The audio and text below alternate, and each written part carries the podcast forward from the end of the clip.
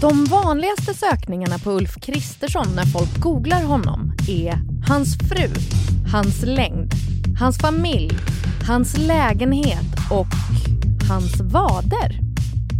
Om mindre än ett år är det kanske han som blir vår nya statsminister. Men vem är Ulf egentligen? Vad säger hans uppväxt om honom och vad är det för magisk egenskap han har som gör att han alltid lyckas moonwalka sig ur skandaler? Och relationer över partigränserna, går det? Eller skulle det leda till uteslutning ur partiet om man blev ihop med någon som var med i ett annat parti? Nej, det vore väl för barockt. Eller?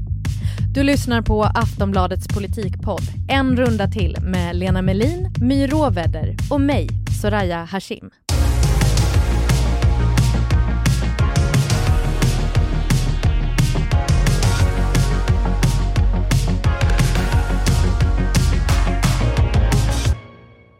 Välkomna tillbaka Lena och My. Tack så mycket.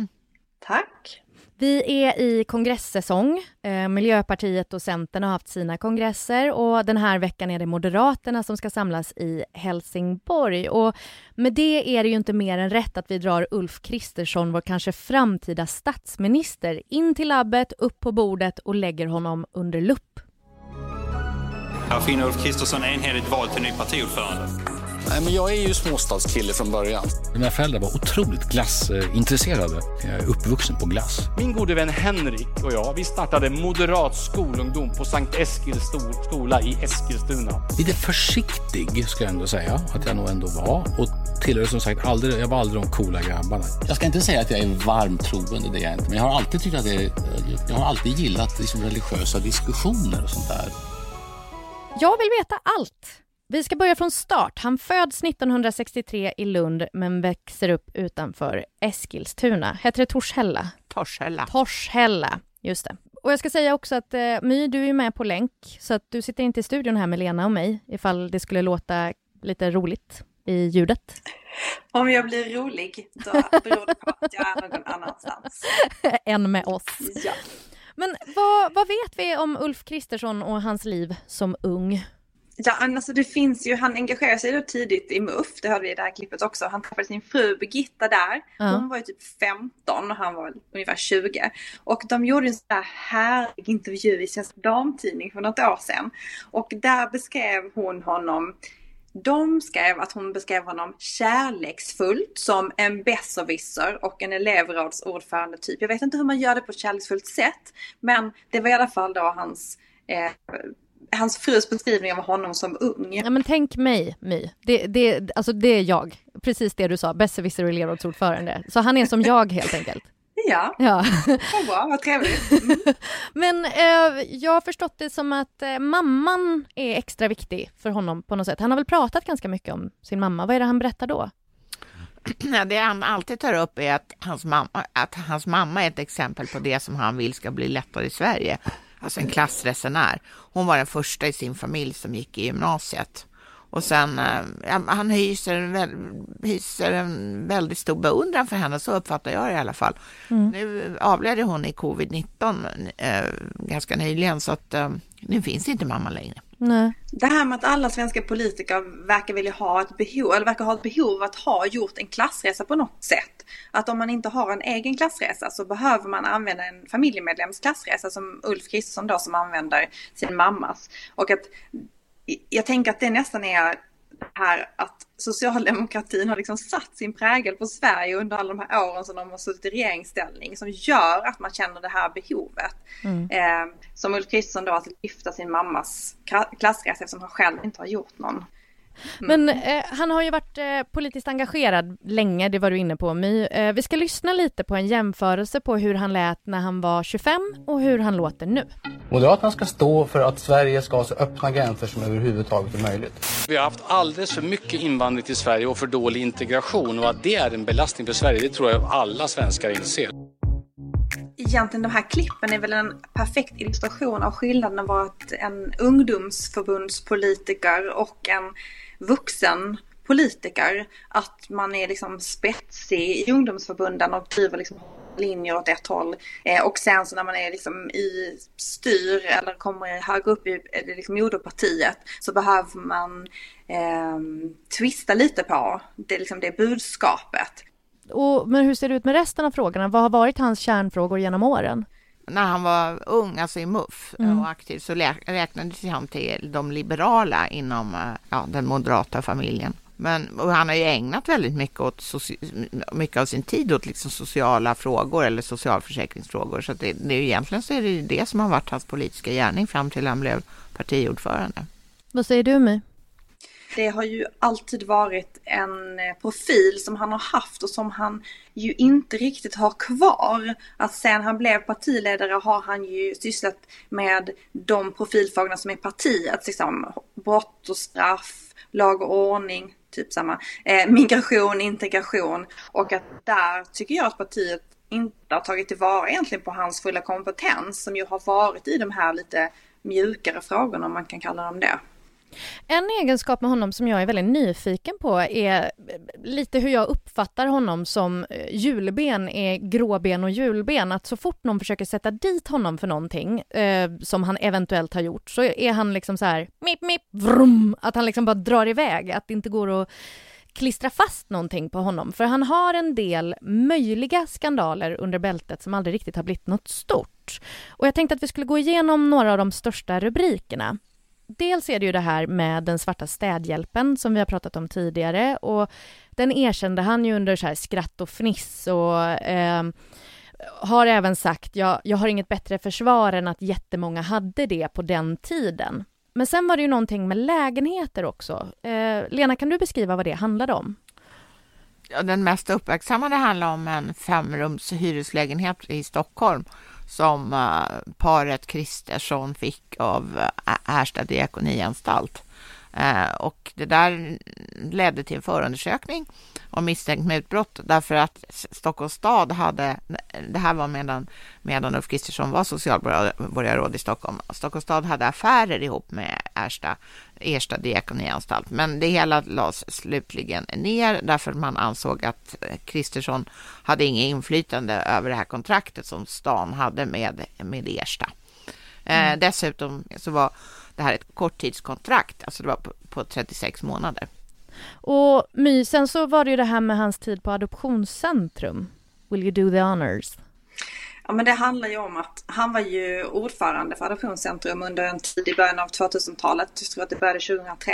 Och, och det handlar ju om att stulna barn adopteras bort mot föräldrarnas vilja. Det var ett avslöjande för nu typ drygt ett, två år sedan och sånt. Men det var ju delvis, tänker jag, journalistiken som inte heller pressade honom så himla hårt på det. För vad han gör, som Ulf Kristersson väldigt ofta gör, tycker jag, det är att han reagerar kraftfullt. Mm. Och sen gör han ingenting mer än reagerar kraftfullt. Alltså man kan prata om Hanif Bali, man kan tänka oss på Sverigedemokrater som tänker rasistiska tankar högt på internet.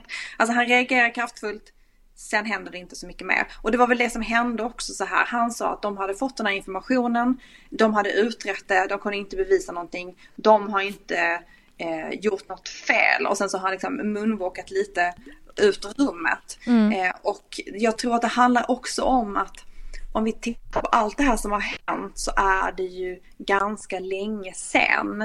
Eh, och att det är frågor som är i den här gråzonen. Vad är liksom rimligt för en politiker? Ska de, har man ha en högre moral om man är politiker eller inte? Och att han balanserar väldigt till sin fördel där i liksom vad man har för krav på en politiker eller inte krav på politiker. Det finns liksom alltid ett sätt för honom att inte bli den som blir ansvarig fast man kan ifrågasätta vissa handlingar. Eh, för jag tänker det som folk ofta kanske tänker på när det gäller Ulf och skandaler så är det ju det här med det omdebatterade löftet till förintelseöverlevaren Hedi Frid om att inte öppna dörren för SD och oavsett vad som var sant eller inte där så naggade det väl ändå någonstans Ulf i kanten och frågan blev, kunde man tro på vad han säger? Och nu har han sagt att han inte tänker släppa in Sverigedemokraterna i en framtida regering, om det blir de som bildar det. Eh, även om de ska samarbeta med Sverigedemokraterna. Kommer folk tro på att han, han håller emot att släppa in SD i regeringen? Löften i politiken har ju en viss hållbarhets, hållbarhetstid. Mm. Man kan inte säga att det räcker en, ett löfte som ges nu hålls om 20 år, för då kan ju tid, tiden ha förändrats helt och hållet. Men nu kommer han ju absolut inte, om han får chansen att bilda regering så kommer han ju inte att bilda en regering med Sverigedemokraterna. Därför att han säger ju det oavbrutet, att han ska bilda en borgerlig regering och Moderaterna och de andra tre borgerliga partierna uppfattar inte Sverigedemokraterna som ett borgerligt parti. Om... Förlåt, det är ju intressant ändå, för jag tänkte efter förra valrörelsen att Ulf Kristersson ändå hade lärt sig att inte säga den här typen av löften som han sen kan få kastat efter sig. Mm. För det är ju det här ordet när han säger så här, om himlen trillar ner kommer vi att samarbeta med Sverigedemokraterna. Och jag menar, så nu, och det hände ju ganska snabbt den närmade sig jorden väldigt snabbt, Ulf Kristerssons himmel. Ja. Så det, jag tycker ändå det är intressant att han fortsätter att göra den här liksom, utfästelserna när han ju vet om att han kan inte svara på den här frågan nu. Det är ju omöjligt att veta innan ett val. Han kan säga vad han vill och vad han önskar men han kan inte säga exakt hur det kommer att bli. Ska man som väljare bara ha med i beräkningen att det partiledarna säger att de ska och inte ska göra kanske inte gäller sen? men här säger han ju så, två saker. Jag vill, jag vill bilda en borgerlig regering. Och med Kristdemokraterna, säger han också. Eh, han är mer obestämd om även Liberalerna ska få vara med. Sverigedemokraterna ska få inte få vara med. Där finns det ju ett definitivt ställningstagande. Mm. Det, man kan ju säga att när alliansen sprack så kanske det var så att eh, himlen ramlade ner i, i Ulf Kristerssons huvud. Det är ju möjligt att han uppfattar verkligheten så. Det kom en blixt från en klar himmel och spräckte hans skalle. Men, men eh, och då, då kan himlen ramla ner en gång till, man vet inte. Vad tycker egentligen väljarna om Ulf? De har ju ganska stort förtroende för Ulf. Ulf toppar ofta de här förtroendemätningarna. Men vad tror du att eh, upp, väljarna uppskattar om Ulf? Jo, men han är en ganska tillbakåtlutad ledare. Han tar inte jättemycket plats, utan det handlar väl mer om Moderaterna som parti än honom som person. Att man har ett förtroende för Moderaterna. Ja, men om man, om man ska prata om de tidigare partiledarna, om man skulle jämföra honom med, med Moderaterna har ju haft några riktigt karismatiska ledare tidigare. Hur skulle ni jämföra honom med dem? Vilka är det? Ja, vilka du tycker ni? Vilka tycker ni är de karismatiska om man, om man, alltså Anna Kinberg Batra tycker jag är svår för hon prövades aldrig i något val eh, och hon hade också problem med det här med att orientera sig mot Sverigedemokraterna och såg närmast skräckslagen ut. De skulle förklara att man visst kunde få prata med en sverigedemokrat eh, utanför, även utanför riksdagens utskott. Men ah, den, förut, den som var innan henne, det vill säga Fredrik Reinfeldt, han hade ju en helt annan stil och han hade ju också skyhöga förtroendesiffror. Alltså det var, ett tag så var det närmare 70 procent som hade stort eller mycket stort förtroende för honom. Alltså det är knappt Kim Jong-Un kommer upp i de där nivåerna. Eh, det, var, det är ju helt fantastiskt. Alltså det är ju ingen, ingen svensk statsminister som har legat där. Men vad berodde det på? Vad var det han gjorde som gjorde att han fick sådana siffror? Jag tror att det berodde på att han ett tog sitt uppdrag på mycket stort allvar och det utstrålade han också, att han eh, verkligen inte lämnade en någonting eh, åt sidan eller hafsade över någonting och så. Sen tror jag också att folk uppfattade honom, det kan man säkert ha olika uppfattningar om, men många uppfattade honom som ordhållig. Efter en, och det är ju bra. Och, och, om du då skulle jämföra det med hur Ulf Kristersson är, hur skulle du Ja, nu har ju inte Ulf Kristersson varit statsminister ännu. Det här, Fredrik Reinfeldt var ju statsminister nästan hela sin tid som partiledare. Mm. Eh, och de här astronomiska siffrorna, de nådde han under sin statsministertid. Om ni skulle jämföra honom med Carl Bildt då, som ledare? Han har ju en helt annan stil. Han har ju verkligen överklassens diskreta charm måste man säga. Mm. Jag kommer ihåg väldigt väl en otroligt rolig intervju som jag gjorde med honom sedan han hade i en annan intervju som jag gjorde med honom avslöjat att han inte visste vem Loket var. Loket var en megakändis. Alltså Leif Loket Olsson? Jajamensan, och hela svenska folket satt och spelade Bingolotto på, på om det var fredagkvällar eller lördagkvällar, kommer jag inte ihåg. Men eh, Carl Bildt hade aldrig hört talas om Loket och visste inte vad Bingolotto var. Det var, han var alltså totalt ofolklig som statsminister. Och därför, dagen därpå var jag då där med några spelexperter, sådana här Bingolotto-experter som lärde Carl Bildt hur man fyllde i en sån här Bingolotto-bricka eh, när de satt i kryss och sådär. Och till slut så blev han väldigt irriterad på den här läromästaren och skrek, eh, skrek liksom hur dum som helst är jag inte. Det här skulle aldrig inträffa med Ulf Kristersson. Nej, det skulle det verkligen inte. Men... Därför att han, även om han inte visste vad Bingolotto var, vilket jag tror att han skulle veta, eftersom han har, han har barn som upplyser honom om den typen av saker och han inte vet det själv, så skulle han aldrig ta emot någon som lär honom spela Bingolotto. Hur skulle han utmärka sig då? Om, om nu Ulf Kristersson blir statsminister mm. nästa år, hur kommer han utmärka sig i jämförelse med Reinfeldt och Carl Bildt? Jag tror att det fanns ett helt annat självförtroende i de här gamla moderaterna, kanske inte man kan kalla dem, men nya, gamla moderaterna, de har ju så många epitet. Men eh, än vad som finns idag, det har väl att göra med att, som sagt, alltså Fredrik Reinfeldt och också Carl Bildt, de hade ju väljarsiffror som är ja, men en dröm för de moderaterna som är idag. Och sen så tror jag också att Ulf Kristersson, i alla fall vad han uttrycker, är att han har själv aldrig liksom egentligen strävat efter de här höga positionerna. Och det skiljer honom från de två tidigare eh, moderatledarna som var statsministrar. Att det har ju verkligen varit liksom i statsministerrollen där de har varit som mest bekväma. Och jag vet inte om det kommer bli så med Ulf Kristersson. Eh, vi får väl se om han ändrar sin ton där till att försöka nedtona sin väg upp till toppen eller om han eh, fortsätter hålla fast vid att det här liksom bara har skett nästan av en slump. Att det här liksom inte har varit det yttersta målet för hans politiska karriär. Eh, för jag tänker eh, Reinfeldt och Carl Bildt, så som vi minns dem idag, så kan de ju inte varit liksom första kvarten i sitt ämbete. Alltså, de måste väl också varit lite nervösa och ta fatta i början på samma sätt som Ulf också i så fall säkert är det om han blir statsminister. Alltså är det inte ja, men... en roll man växer in i någonstans eller? Alltså Carl Bildt var nog inte tafatt i början. Men, men säkerligen Reinfeldt. Men han var ju så, som sagt, han var ju inte partiledare så himla länge innan han blev statsminister, i tre år bara. Så hur blir det nu då? Kommer Ulf Kristersson vinna valet nästa år? Jag skulle kunna satsa 10 000 spänn på att han är statsminister efter valet. Men då får ju inte saker och ting ändras så himla mycket. My, sätter du emot Lenas 10 lax?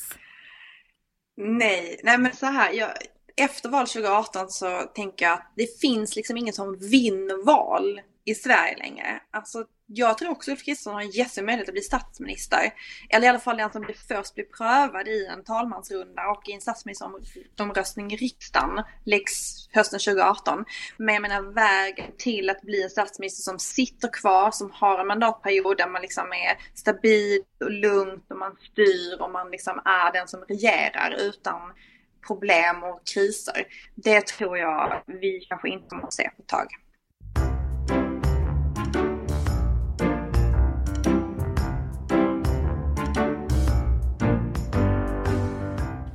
Vi ska stanna kvar lite vid Ulf, eller framförallt Ulf och hans bästis Ebba Busch. Ja, men jag och Ebba Busch och Moderaterna och Kristdemokraterna har ju sagt under alla de här åren att vi vill ha en borgerlig regering med borgerliga partier. Moderaterna och Kristdemokraterna vi har jobbat tillsammans varje dag i 16 år nu, varav åtta i gemensam regering. Vi är själva grunden för den här regeringen. Vi var inne på det här för något avsnitt sen, men My, du har ju uppenbart koll på partiledarnas Instagramkonton. Hur, hur framställer sig Ulf och Ebba tillsammans? Ja, man måste göra någonting på sin fritid också. eh, ja, men det, de skrev att det här nya bildspråket mellan eh, Ulf och Ebba, det är lite som så här, ett möte vid svampen på Stureplan klockan 03. Alltså svampen är så här, jag gissar att det är ett raggnings ställe man går dit när man inte har hittat någon om man går dit. Mattias Karlsson står också där. Han brukar säga att, eh, att eh, SD är Moderaternas 03-ragg. Eh, ja, men de, de liksom tittar varandra djupt i ögonen. De, liksom, de har valt varandra. Det har de verkligen. De har valt varandra och de vill vara tillsammans. Men det är också speciellt det här att man då alltid kallar sin bästis för både för och efternamn. Ja, just det. Precis. Jag och My Råväder, jag och Lena Melin. Mm. Eh, det här fick ju mig att fundera på de här bilderna som har kommit ut på de här två tillsammans fick mig att börja fundera på vänskaper mellan blockgränserna och en känd sån vänskap är ju till exempel Carl Bildt och eh, Gudrun Schyman. Alltså den, den vänskapen var ju verkligen där. Jag har också hört Carl Bildt och Mona Salin. En annan är ju klassikern Jonas och Annie. Idag ska jag få möta min absoluta favoritmotståndare, nämligen Vänsterpartiets partiledare Jonas Sjöstedt. Vi tycker verkligen precis tvärtom. Men man kan respektera varandra och man kan också skoja lite grann med varandra. Jag tycker att han är väldigt omtänksam eh, och jag tycker att det är en, en väldigt bra egenskap för en politisk ledare. Ja, men det är ju faktiskt lite sorgligt det här nu när jag säger hej då till Jonas. Och sen var det lite trögt för mig att komma på så många fler exempel på vänskaper över partigränserna mellan högprofilerade politiker. Och då, jag undrar, är det känsligt att umgås med någon från ett annat parti? Det beror på hur man umgås och med vilket parti. För det finns ju många partier som har alltså samarbeten och relationer som gör att det blir ju mindre känsligt kanske att umgås. Jag tror inte det finns någon känslighet alls till exempel om en miljöpartist och en socialdemokrat umgås mm. eller ihop eller vad man vill göra på sin fritid om man inte är på Instagram. Eh, då, ehm, eh, så jag tror att det beror helt på. Vad är det för parti? Vad är det för slags relation man har? Eh, men jag menar det finns ju eh, exempel där det har varit känsligt. Som det var något år sedan så blev en kommunpolitiker, en socialdemokratisk kommunpolitiker, eh, kär i en SD och det blev liksom stort rabalder och hon, jag tror hon fick lämna partiet för Varför? det här. För det blev liksom en så känslig fråga. Ja, men det handlar om att man ska liksom inte samarbeta med eh, Sverigedemokraterna och han beskrev ju också att det har varit känsligt eftersom Socialdemokraterna är liksom den stora motståndaren till Sverigedemokraterna. Och när man umgås i de här slutna kretsarna då och man kanske har familjer som är eh, partister också så blir det liksom en känslig fråga helt men, enkelt. Men de, vad är jag vet liksom... inte om de är ihop som fortfarande, men de verkade ju väldigt kära och lyckliga då. Men, men vad är det konkret partierna tror kan hända om en sverigedemokrat och en sosse, jag vet inte, de går på karaoke, det blev en blöt kväll, de hamnar i sängen ihop. Alltså så här, vad är det man tror ska hända? Jag tror att det är så, eftersom de umgås närmast sektvis i olika partier, så, eh, så är det så att de litar inte riktigt på någon som är lite, då kan betraktas som en avfälling eller en halv avfälling som har ihop det med någon i något annat parti. Ja, du, du var lite inne på ordet sekt här. Alltså... Jag inte så lite heller, jag sa det.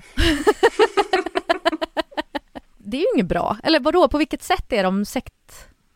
Nej, men de, många börjar ju ägna sig åt politik i ganska uh, ung ålder. De är med kanske i ungdomsförbundet eller studentförbundet. Uh, sen kanske de är, gör något annat ett tag, så plötsligt så är, engagerar de sig i kommunpolitiken och där är ju, där är ju mötena oftast gruppvis. Men borde det inte vara tvärtom ganska en ganska bra sak att kunna ha relationer över parti eller blockgränser ja, men som med Jonas och Annie här att liksom... Jag tror ingen har något väldigt djupare emot det. Det är bara det att det finns en misstänksamhet bland de som inte tillhör de renläriga. Om alla mina kompisar var äh, vänsterpartister, säger vi, mm. och så kommer jag dit släpande med Sverigedemokrat och sa här, här är min nya kille, då tror jag att de skulle tycka att hon verkar helt ha spårat ur. Uh, så att alltså så tittar vi lite sådär misstänksamt på henne. Mm. Men är de inte vuxnare än så? Nej, och jag kan säga att riksdagens största fester, det är ju, det är julfesten och de, de är varje parti för sig. Nej, och det är jättekalas där folk, vad jag förstår, blir ganska beruskade. Men det liggs väl ändå över partigränserna? Det gör det säkert. Jag har ingen eh, bild av det, men, men eh, varken suddig eller klar, men det tror jag säkert förekommer. Alltså jag är så besviken nu, för jag känner lite att det är en public service-skada jag har, att jag inte vet mer om sånt här. Så att jag hade ju lagt hela mitt hopp här Lena till dig, Jaha. att jag skulle få reda på Ja, nej, allt, men det där... allt jag vill veta och inte vill veta. Ja, det där är inte min starka gren. Nej, men då behöver det bli er bådas starka gren känner jag. Kan ni liksom ta reda på lite skvaller, vem som har legat med vem? Eller i alla fall liksom vilka parti... Eh, vilka, vilka partier som har nussat med varandra. Jag vill gärna veta. Ja, jag ska försöka efter ja, denna, detta önskemål. Tack så jättemycket Lena och My för att ni var med idag. Aftonbladets politikpodd En runda till är slut för den här gången. tack för att ni lyssnar. Vi som har gjort programmet idag är producent Olivia Svensson, experter Lena Melin och My Råvedder och jag heter Soraya Hashim. Vi är tillbaka nästa torsdag igen. Vi hörs då. Hej hej!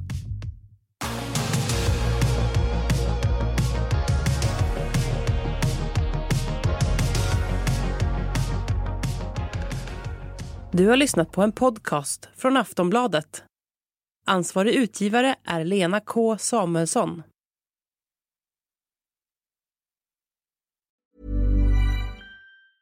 Cool fact a crocodile can't stick out its tongue. Also, you can get health insurance for a month or just under a year in some states. United Healthcare short term insurance plans, underwritten by Golden Rule Insurance Company, offer flexible, budget friendly coverage for you. Learn more at uh1.com.